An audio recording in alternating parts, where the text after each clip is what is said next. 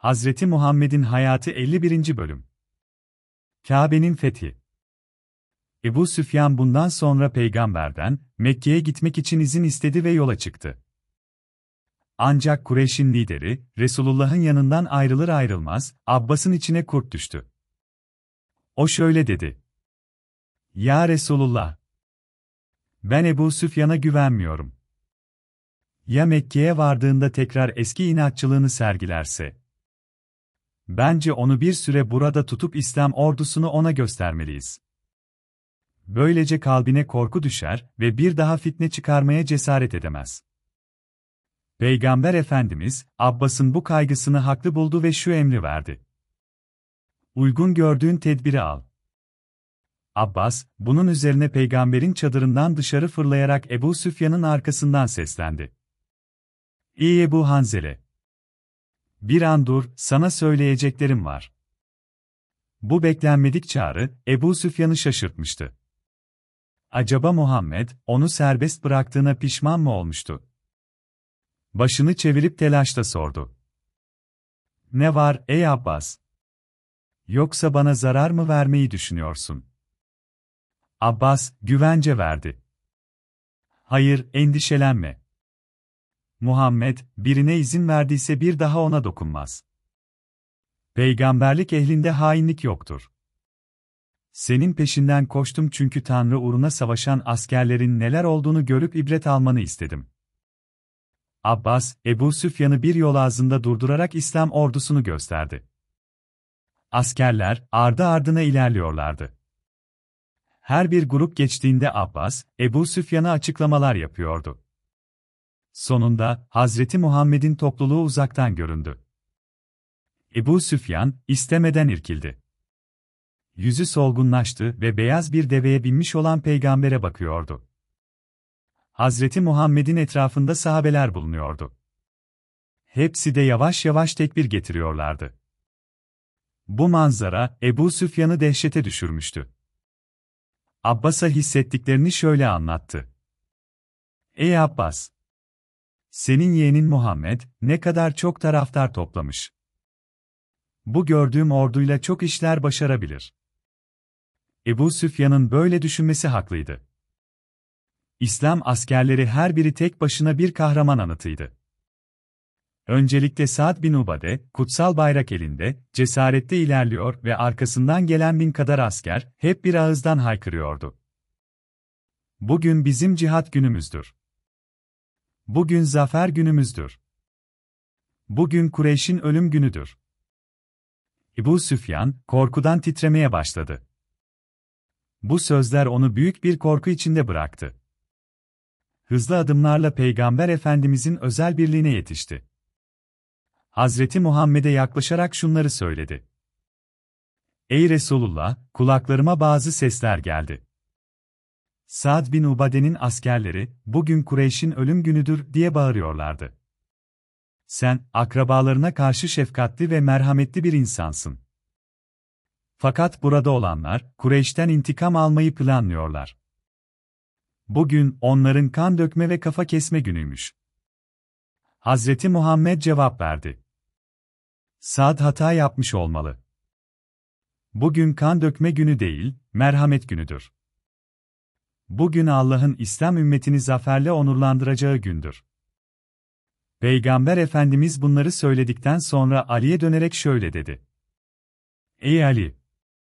Sad'ın elinden bayrağı al ve Mekke'ye doğru ilerle. Ali bu görevi kabul etti ve iki alay başında harekete geçti. Zitava denilen Mekke'ye yakın bir yere vardıklarında, yerden öyle bir toz bulutu yükseldi ki, bir saniye içinde her şey görünmez bir hale geldi. Kureyşliler, bu yüzden Ali'nin kuvvetlerinin Mekke'ye yaklaştığını fark etmediler. Ebu Süfyan ise toz bulutu içinde ilerleyerek şehre girmişti. Onu görenler hemen etrafını sardı ve sordular. Bu toz bulutu neyin nesi? Moral bozukluğuna uğramış olan Ebu Süfyan şöyle dedi. Yazıklar olsun size. Muhammed, zırhlı askerlerle kapınıza dayandı. Binlerce süvarinin olduğu bu büyük orduya karşı çıkmak aklınızdan bile geçirmeyin. Eğer size yapılacak bir şey varsa, o da şudur, hiç kimse evinden dışarı çıkmasın. Şehrin sokaklarında görünmeyin. Ancak silahsızsanız, Muhammed'in affına ulaşabilirsiniz. Silahlarını bırakıp evlerine kapanan herkes affedilecek, bu emre uymayanların ise başı belaya girecek. Kureyşliler bir ağızdan haykırdılar. Bize getirdiğin bu kötü haber neyin nesi? Ebu Süfyan'ın karısı Hinde, kalabalığın arasından fırlayarak kocasının sakalına yapıştı. Sen de mi böyle bir felaketi kavmine getiriyorsun? Bu ne rezillik! Senden kötülük beklenirdi ama bu kadarı da aklımızın ucundan geçmezdi. Sen nasıl bir melun adamsın? Hinde, bu sözleri söyledikten sonra etrafındakilere seslendi.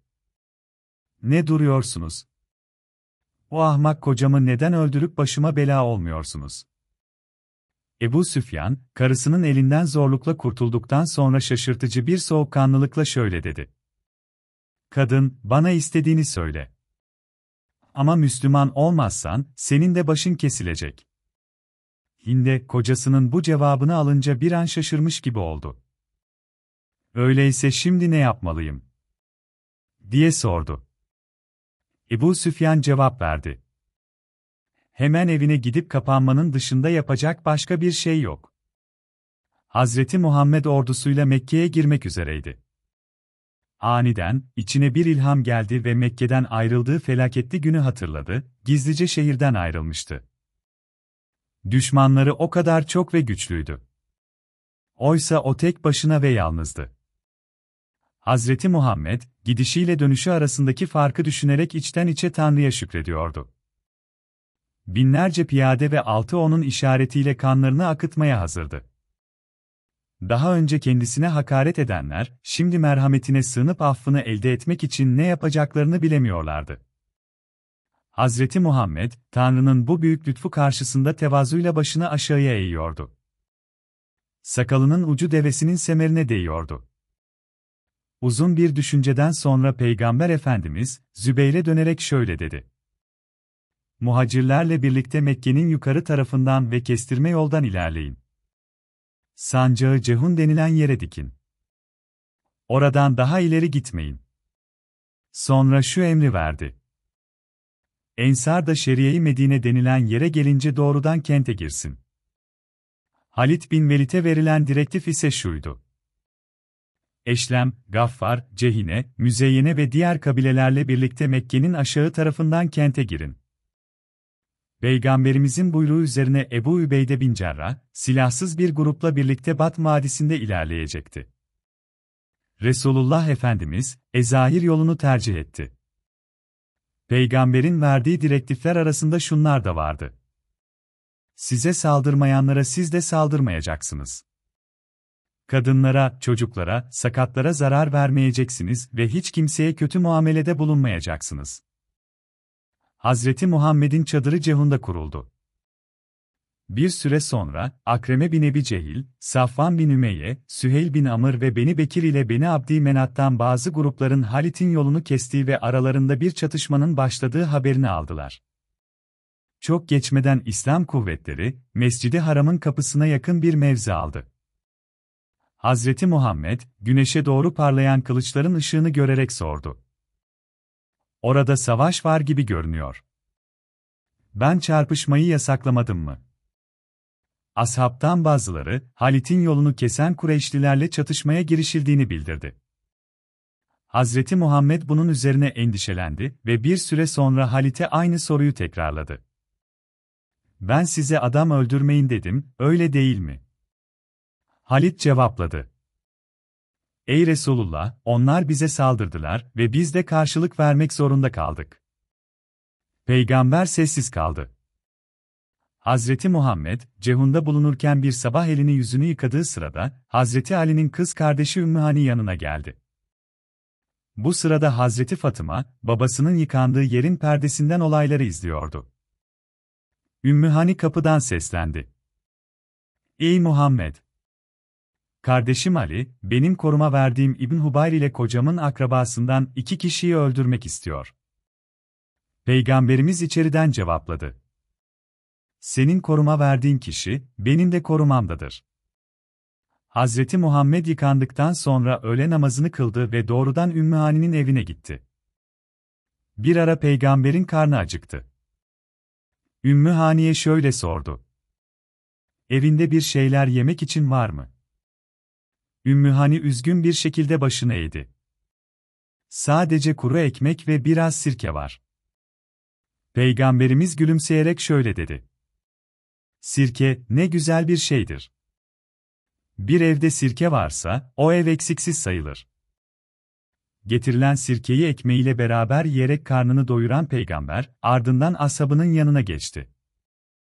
Yüzlerce atlı, iki sıralı saf halinde peygamberi karşıladı. Hazreti Muhammed, onlara yüksek bir sesle, inni fetahna. Suresini okuduktan sonra Hacer-i Esved'in bulunduğu yere doğru yürümeye başladı.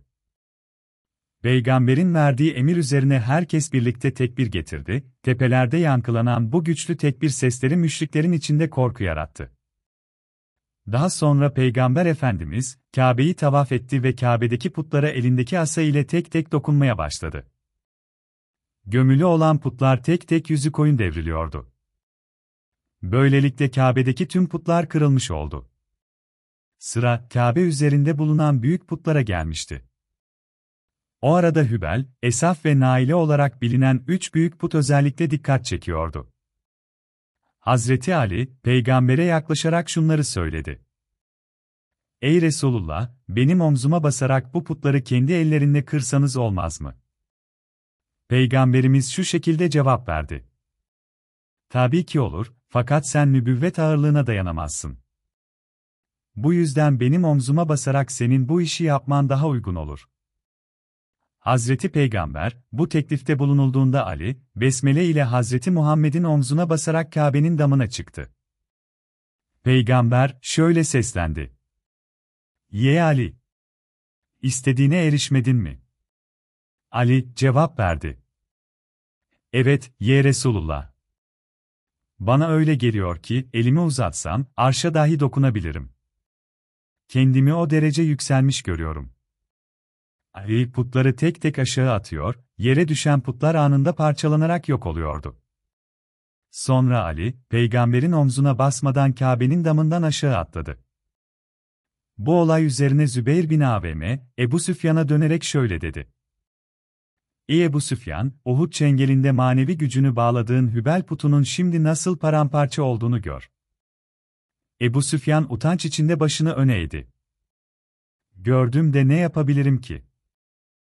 Eğer Muhammed'in tanrısından başka bir tanrı olsaydı, putlarımıza dokunmak bize düşmezdi. İşler istediğimiz gibi gitmediği için Muhammed'in iddiasının doğru olduğunu anladım. Hazreti Muhammed, Kabe'nin anahtarını getirmek için Billidi Habeşi'yi görevlendirmişti. Billidi Habeşi, Osman Talha'yı buldu ve peygamberin emriyle anahtarın kendisine verilmesi gerektiğini bildirdi. Osman, Kabe'nin anahtarının annesi Selafe tarafından saklandığını söyleyince Bilal, Selafe'ye başvurdu. Ancak, onu bulmak biraz zaman aldı, çünkü aradan oldukça vakit geçmişti. Hazreti Muhammed bu gecikme nedeniyle endişeliydi. Yüzü sıkıntıdan ter içinde kalmıştı. Gecikmenin sebebi şuydu. Selafe, anahtarı Bilal'e vermek istemiyordu ve şöyle diyordu, Kabe'nin anahtarını bir kez alırlarsa bir daha geri vermezler. Sa bir süre sonra Osman da annesinin yanına geldi ve anahtarı vermesi için ona yalvarmaya başladı. Kadın bir türlü razı olmuyordu. Ana ve oğul anahtar için tartışırken Ebu Bekir ve Ömer, Selafe'nin kapısının önüne geldiler. Ömer hemen içeri girerek anahtarı Osman'dan istedi. Osman, Ömer'in şaka yapmadığını bildiği için annesinin yanına gidip, anahtarı Ömer ve Ebu Bekir'in istediklerini söyledi. Bunun üzerine Selafe şöyle dedi. Al şu anahtarı, peygambere ver. Çünkü senin bu anahtarı vermen, Tim ile Ade'nin vermesinden daha üstündür. Kadın, Ebu Bekir'e Tim ve Ömer'e de Adi adını veriyordu. Bunun üzerine Osman, doğrudan anahtarı peygambere götürdü. Peygamberimiz elini uzatarak anahtarı almaya hazırlanırken Abbas ayağa kalktı ve şöyle dedi. Ya Resulullah! Anam babam sana feda olsun. Zemzem suyunun sakalını bana verdiğin gibi Kabe'nin korunmasını da bana ver. Osman, Abbas'ın bu sözlerini duyduğunda peygambere uzattığı anahtarı geri çekti. Hazreti Muhammed buna cevaben şunları söyledi. Ya Osman! Anahtarı bana ver. Osman, tekrar elini uzatmak istediğinde Abbas, peygambere biraz önceki ricasını tekrarladı. Bu sefer de Osman anahtarı geri çekti. Bunun üzerine peygamberimiz şunları söyledi. Ya Osman! Eğer ahirete imanın varsa, anahtarı bana ver. Osman bu sefer anahtarı uzatarak şöyle dedi. Emaneti sana veriyorum, ya Resulullah.